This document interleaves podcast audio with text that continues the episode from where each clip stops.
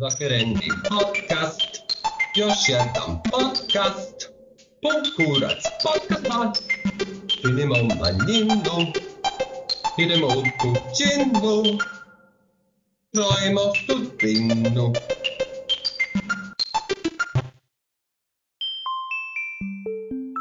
Ćao svima, dobrodošli u još jednu epizodu iz Okvirenih, gde nastavljam razgovor sa Tara Lenom iz Renjanina koja živi i radi u Leipzigu.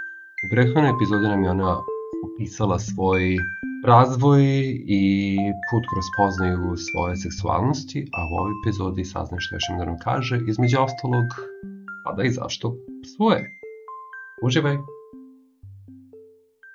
E, to je negde bila najveća frustracija, ali nakon toga ne, definitivno zato što sam skontala da, je, da sam to ja i da, da je to nešto što mi jednostavno treba u životu kako bi bila istinjena.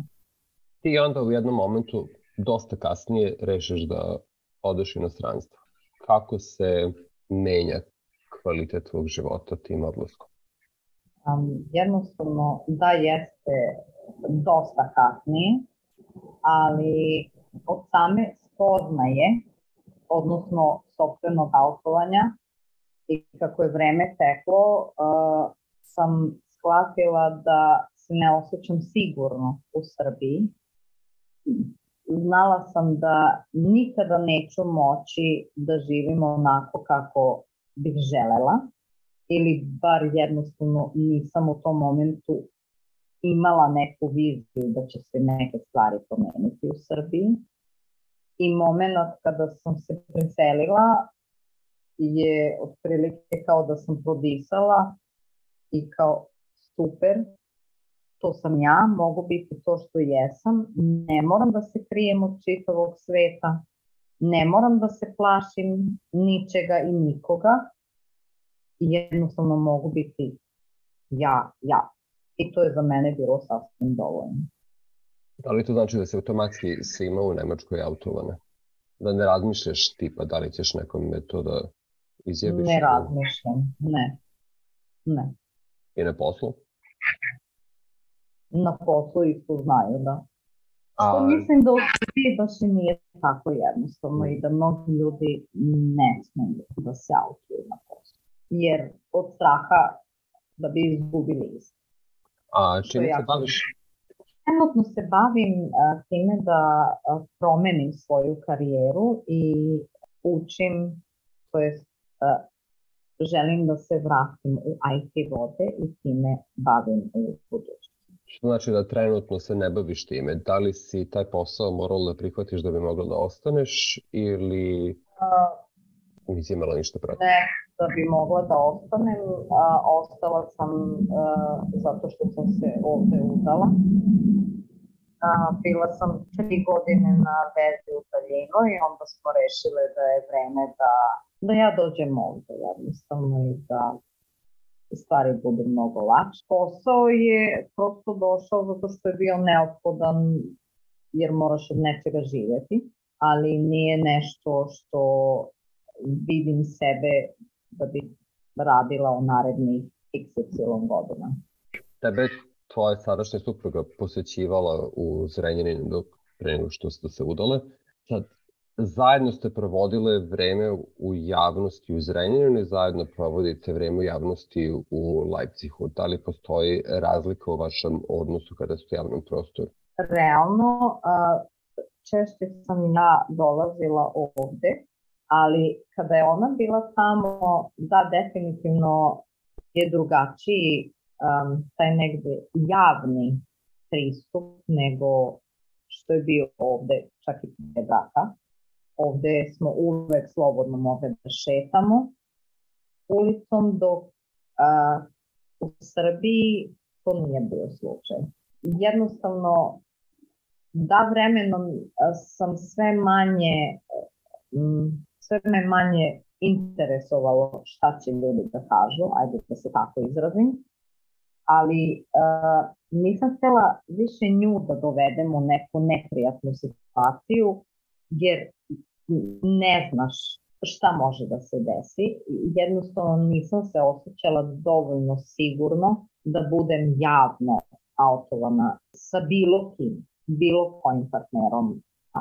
Možda će se to promeniti za par godina, um, živeći ovde i jednostavno ne mareći šta će ko da kaže u zemlje Srbije gde ne živim više, ali verovatno da za to da, da će trebati neko vreme da dođe, da bi se tako nešto desilo. Da li si imala prilike da tamo u prolazu negde čuješ uh, da neko govori srpski, srpsko-hrvatski, hrvatski, bosanski jezik? Uh, jesam, ali zapravo ne u Leipzigu, već u nekom drugom gradu. I kako reaguješ kada čuješ jezik? Bude mi drago, a bude mi negde, ne znam, novat neki osjećaj, moram da priznam. Bude ti drago da čuješ svoj jezik, a onda imaš opet se javlja taj strah koji češ godinama i kontaš da, to jest imaš strah da čak i ti ljudi koji su se isto preselili, nisu preselili svoje razmišljanje. Da li to znači da ti nije stalo do toga da budeš deo srpske ili staro-jugoslovenske dijaspore? A, nije mi toliko neophodno. Mislim, naravno da, da bi mogla da se družim sa našim ljudima, ali bila bi verovatno u početku obazriva da bi pričala sa njima i koliko bi o sebi otkrila. Jer sam u suštini u gradu u kome živim imala jednu relativno neprijatnu situaciju sa osobom koja je poreklom iz Srbije i koja jedno nakon spoznaje a, da sam kriv, jednostavno nije želela više da ima kontakt sa mnom. Možda nisu svi takvog razmišljanja, ali kada imaš jedno loše iskustvo, onda si malo obazriv. A da li postoji nešto što si izgubila odluskom iz Srbije? Izgubila sam porodicu i prijatelje u smislu da ne mogu provesti vreme sa njima. Mislim, češće. I naravno da mi svi nedostaju jako, ali moram da priznam da sam srećna ovde. Izbilja sam srećna i ispunjena. Bez obzira što sam nazovi sama i što sam daleko od svoje porodice, što još uvek nemam svoje neke prijatelje, već je to sve preko žene ili ne znam nešto preko sitno preko posla, ali je to sve ajde nazovimo poznanici, nisu još uvek prijatelji. Mislim, bila je korona i nisi mogao ni da izlaziš i šta ja znam, ali verovatno će se promeniti i u momentu kada promenim posao i kada budem više okružena sa različitim ljudima, jer sada trenutno radim sama i nemam toliko kontakta sa ljudima. I kako su svi ti prijatelji i porodice reagovali kada si im rekla da odlaziš? Pa mislim da je za neke i bio šok, a za neke očekivali su jednostavno. Jer su znali da sam dugo u vezi bila i da je prosto bilo pitanje vremena kada će se to desiti. Ali da, osetila sam od svojih najdražih veliku podršku, što mi je bilo jako bitno. I da li pratiš javni politički život u Matici ili Pirsen ili aktivizam? Bilo što ne pratim, redko pratim vesti. Nemam čak ni TV posjeće, by the way. A u suštini negde možda bi trebalo da čisto da vidim da li su se neke stvari promenile ili... A, poslednja stvar u stvari koju sam pratila je bilo a, da li je to bilo prošle godine ili kad, kada je bilo pitanje da li će konačno izglasati onaj zakon o istopolnim zajednicama. Čak sam gledala i emisiju posvećenu tome i uspela sam samo 15 minuta dok nisam počela da psujem na TV ekran i da ono kao prosto ne mogu da verujem da pogotovo mladi ljudi takve neke stvari izgovaraju i to mi je bilo jezivo, iskreno jezivo. Ja, iskreno sam mislila da smo negde napredovali poslednjih tipa desetak, 15 godina, međutim kada sam pogledala tu anketu, šokirala sam. I očigledno sam imala očekivanja kao mladi, otvoreni, imaš mnogo više mogućnosti sad nego ranije, možda se više priča i kako to, ali totalni šok. Mislim da definitivno sa tim, kao da sam izgubila volju, onda skontajući da, da taj zakon se očigledno nikada neće izglasati, jer o tome pričaju već poslednjih ne znam koliko godina i stalno dođe do momenta kad, e, sad ćemo ga doneti, međutim nešto se desi.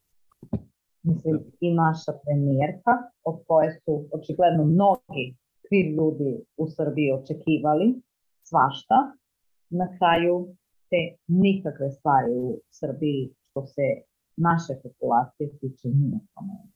Bar ja ne vidim. Ja sam danas baš slušao neku emisiju o tom zakonu, Kostova je onaj Boris Milićević, koji je radio na tom zakonu kao On je mhm. pomoćnik te ministarke za ljudske manjinska prava ili kako se zove ministarstvo i bio je neki iz ne znam koje aktivističke organizacije i u principu te, ceo taj zakon mora sad ponovo da prolazi kroz ceo proces zato što se formira nova vlada. A vlada još uvek ne može se formirati izbori nakon, ne znam, dva meseca još nisu završeni. Kao da uh, zemlja ima 80 miliona, a ne 8 ili koliko već imamo. Pa imam 5. Zbog toga ne pratim neke stvari, jer prosto a, poslednjih godina smo shvatili svi tamo da se stvari baš nešto i ne menjaju. Ne idu na bolje. Iako bi trebalo vremena da ide, ali No to se meni dešava jer ja isto nemam TV i onda izgubiš kontakt sa stvarnošću jer sve ove ostale medije koje konzumiraš, konzumiraš na, po svom nahođenju, po svom izboru i onda uvek koristiš isti sadržaj i vid, čitaš ista viđenja, slušaš um, ista mišljenja i skroz se izgubi iz perspektive da postoji i drugačiji i da oni mogu da budu mnogo brojniji. Da, upravo tako. I da li imaš nešto da poručiš kvir ljudima koji razmišljaju da napuste Srbiju? Srbiju želim da poručim pakujte kofere i krećite. to sam i ja uradila. I bilo bi čudno da bilo šta drugo poručim, jer u stvari svako ko želi da ode odande, shvata da sebe ne vidi kao što ja sebe nisam videla tamo. I želela bi im svu sreću ovoga sveta definitivno, da se pronađu gde god su zamislili. Jer znam da će disati punim plućima. A da li imaš nešto da poželiš Srbiji? Mogu samo da poželim da se u najskorijoj budućnosti malo više emancipuju i malo više pričaju o našoj populaciji, kako mladi naraštaj ne bi prolazili kroz pakao kroz koji smo mi prolazili odrastajući. I da ljudi samo shvate da postoje samo dve opcije, dobri i loši ljudi i to je priča. Dalje podele ne postoje. Što se mene Ja više nemam pitanja za tebe, ali ako postoji nešto što te nisam pitao, ti želiš da podeliš sa nama, slobodno to učini tebe. mislim da, da je to to. Dobro, Teraleno, hvala ti na razgovoru i na izbenom vremenu i hvala ti na savjetima i želimo ti da nađeš što pre posao u struci, da bude malo uh, društvenije radno mesto, da nisi samo sama i umeđu vremenu vežbaj to žongliranje. Hvala puno. Izokvireni podcast možeš pronaći na sajtu izokvireni.com. Tamo ćeš već videti linkove za naš profil na društvenim mrežama. Ako ti se dopadamo, označi to i tamo i još bolje ostavi nam recenziju na platformama na kojima nas pratiš. A u slučaju da želiš da budeš naš gost ili znaš neko ko bi to mogao ili trebalo da bude, piši nam na e-mail adresu izokvireni at gmail.com. Čujemo se uskoro.